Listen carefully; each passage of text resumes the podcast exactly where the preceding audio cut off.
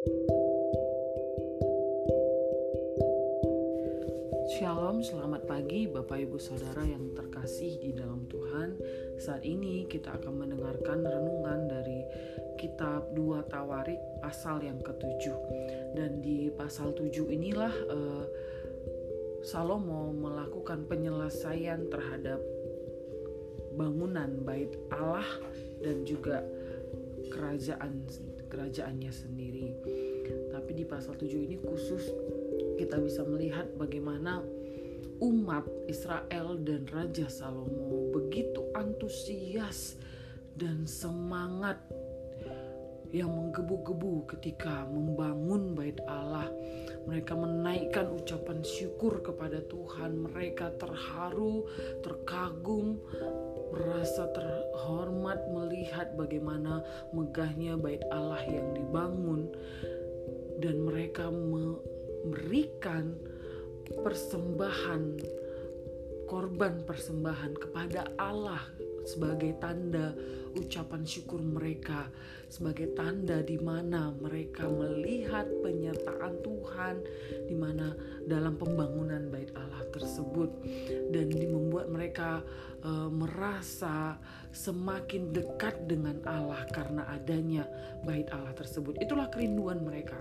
Mereka rindu Allah itu ada bersama-sama dengan mereka, ada di hadir di tengah-tengah mereka sehingga mereka mengusahakan bahkan Raja Salomo sendiri punya keinginan untuk membangun bait Allah yang begitu megah dan terbukti bahwa lewat catatan sejarah bahwa bait Allah yang dibangun Salomo lah bait Allah yang termegah pada zamannya sampai pada saat ini kalau dilihat.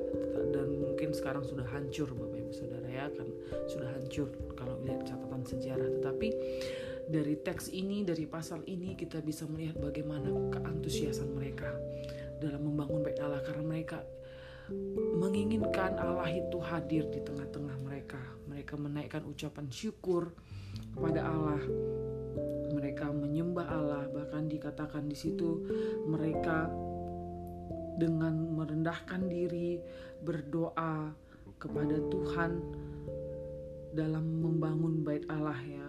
Mereka dikatakan bahwa umatku yang atasnya namaku disebut merendahkan diri berdoa dan mencari wajahku lalu berbalik dari jalan-jalannya yang jahat maka aku akan mendengar dari sorga dan mengampuni dosa mereka serta memulihkan negeri mereka. Jadi tanda negeri itu dipulihkan, tanda adanya pemulihan itu karena adanya kehadiran Allah di tengah-tengah umat. Bahkan dikatakan di sini mereka merayakan perayaan pondok daun yang artinya mereka merayakan ucapan syukur mereka, tanda mereka melihat kebaikan Tuhan, tanda mereka merasakan kebaikan Tuhan sehingga mereka menaikkan ucapan syukur kepada Allah selama tujuh hari. Ya Bapak Ibu Saudara, selama tujuh hari mereka melakukan perayaan ucapan syukur ini karena adanya karena bait Allah yang sudah sudah dibangun ini tersebut bait Allah yang sudah dibangun ini.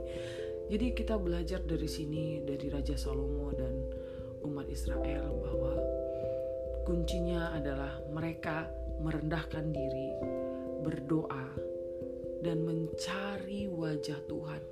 Arti dari kalimat ini, kalau kita simpulkan, mereka merindukan kehadiran Allah di tengah-tengah kehidupan mereka.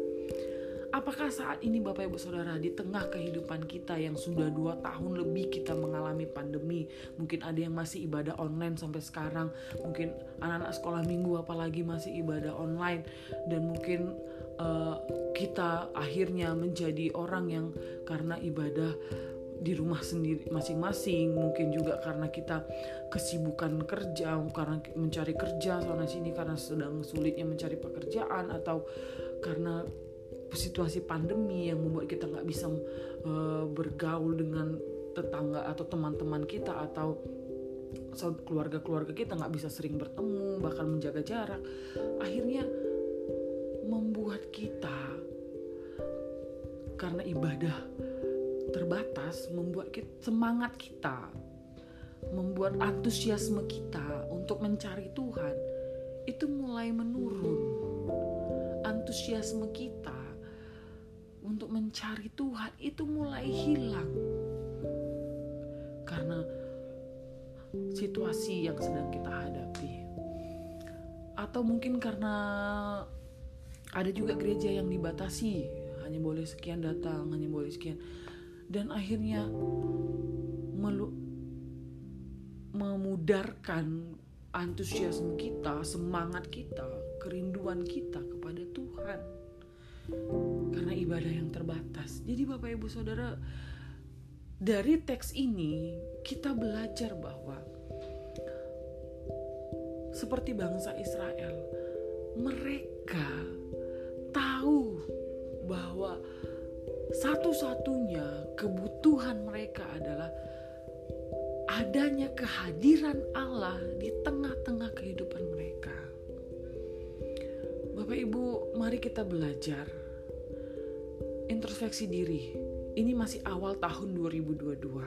Mungkin tahun 2021 antusiasme kita, semangat kita untuk mencari Tuhan itu sudah mulai luntur dan tahun 2002 mari kita mengambil komitmen yang baru di awal tahun ini dan sepanjang tahun ini kiranya kita menjadi umat Allah yang senantiasa merindukan kehadiran Allah di tengah-tengah kehidupan kita.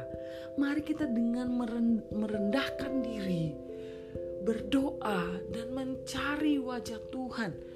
Karena Bapak Ibu Saudara, satu-satunya tempat kita bergantung itu adalah Tuhan. Satu-satunya pribadi yang mengasihi kita, yang mampu memulihkan kita, yang mampu memberkati kita, yang mampu menyembuhkan gitu, menyembuhkan kita, itu adalah Tuhan. Satu-satunya pribadi yang mampu menyelamatkan kehidupan kita itu adalah Tuhan. Jadi mari kita mengambil komitmen yang baru di awal tahun ini untuk selalu mencari Tuhan, punya kerinduan untuk mencari Tuhan. Punya antusiasme, semangat di dalam ibadah-ibadah kita. Meskipun ibadahnya mungkin ada yang masih online atau sudah sudah mulai onsite, puji Tuhan kalau sudah mulai onsite, ya. Mari kita membangun kehidupan, keantusiasme kita semangat kita yang menggebu-gebu untuk terus mencari Tuhan. Karena dialah sumber segalanya di dalam kehidupan kita. Seperti yang Salomo lakukan. Dia tahu Tuhan itu sumber segala-galanya. Tuhan yang membawa kemenangan-kemenangan bagi umatnya. Tuhan yang mampu memulihkan umatnya. Tuhan yang mampu memberkati umatnya. Sehingga mereka membangun bait Allah dengan begitu megah sebagai tanda bahwa Allah hadir di tengah-tengah mereka. Mari kita memiliki kerinduan yang sama Kiranya Allah hadir di dalam kehidupan rumah tangga saya, di dalam anak-anak saya, di dalam kehidupan pribadi saya, di dalam pekerjaan saya di mana pun saya berada. Kiranya Tuhan selalu hadir bersama-sama dengan kita. Miliki kerinduan ini Bapak Ibu Saudara. Jadi kita mau belajar ya karena di dalam firman ini juga dikatakan ya Tuhan sendiri mengatakan kepada Salomo jika jika kamu, tetapi jika bangsa itu berbalik dan meninggalkan segala ketetapan dan perintahku yang telah kuberikan kepadamu.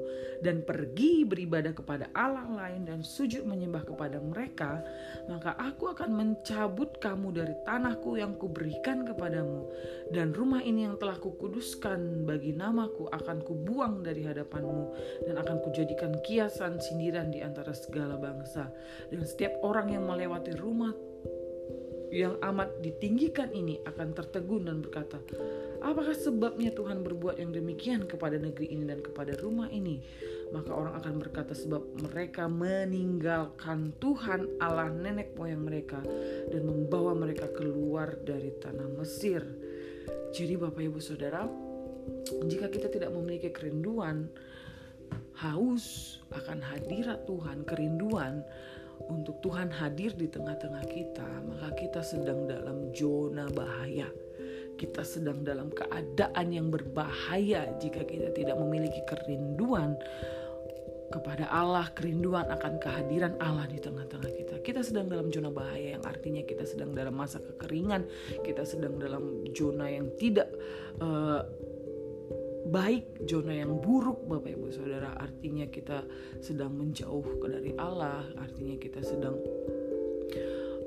melakukan sesuatu yang uh, tidak benar di hadapan Allah, melakukan dosa mungkin kejenuhan mungkin kebosanan mungkin karena situasi. Tetapi dan kita harus pahami bahwa itu adalah situasi-situasi yang tidak menyenangkan. Itu situasi situasi yang sangat buruk kita sedang dalam bahaya. Jadi mari kita kembali lagi kepada Tuhan. Ingat firman Tuhan ingat janji Tuhan.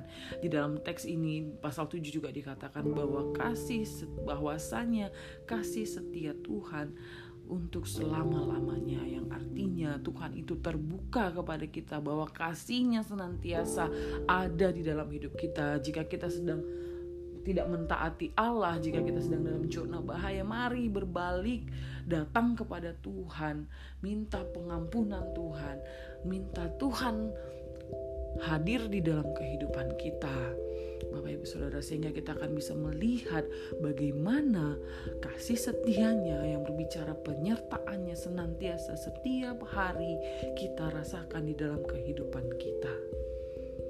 Amin Bapak Ibu Saudara. Puji nama Tuhan, demikianlah firman Tuhan bagi kita pagi hari ini kiranya ini memberkati kita. Ingat Bapak Ibu Saudara, rindukan Tuhan untuk hadir setiap hari di dalam hidup kita karena itulah satu-satunya sumber kekuatan kita, sukacita kita adalah Tuhan. Amin Bapak Ibu Saudara. Mari kita berdoa. Bapak yang baik, saat ini kami berdoa untuk jemaatmu, untuk mereka yang mendengarkan renungan ini, kiranya Tuhan menolong mereka, kiranya Tuhan memberkati mereka, kiranya setiap kami memiliki kerinduan untuk Engkau hadir di tengah-tengah kami, untuk Engkau selalu hadir di tengah-tengah kami. Kiranya kami memiliki kerinduan itu Tuhan, karena Engkaulah sumber segalanya di dalam kehidupan.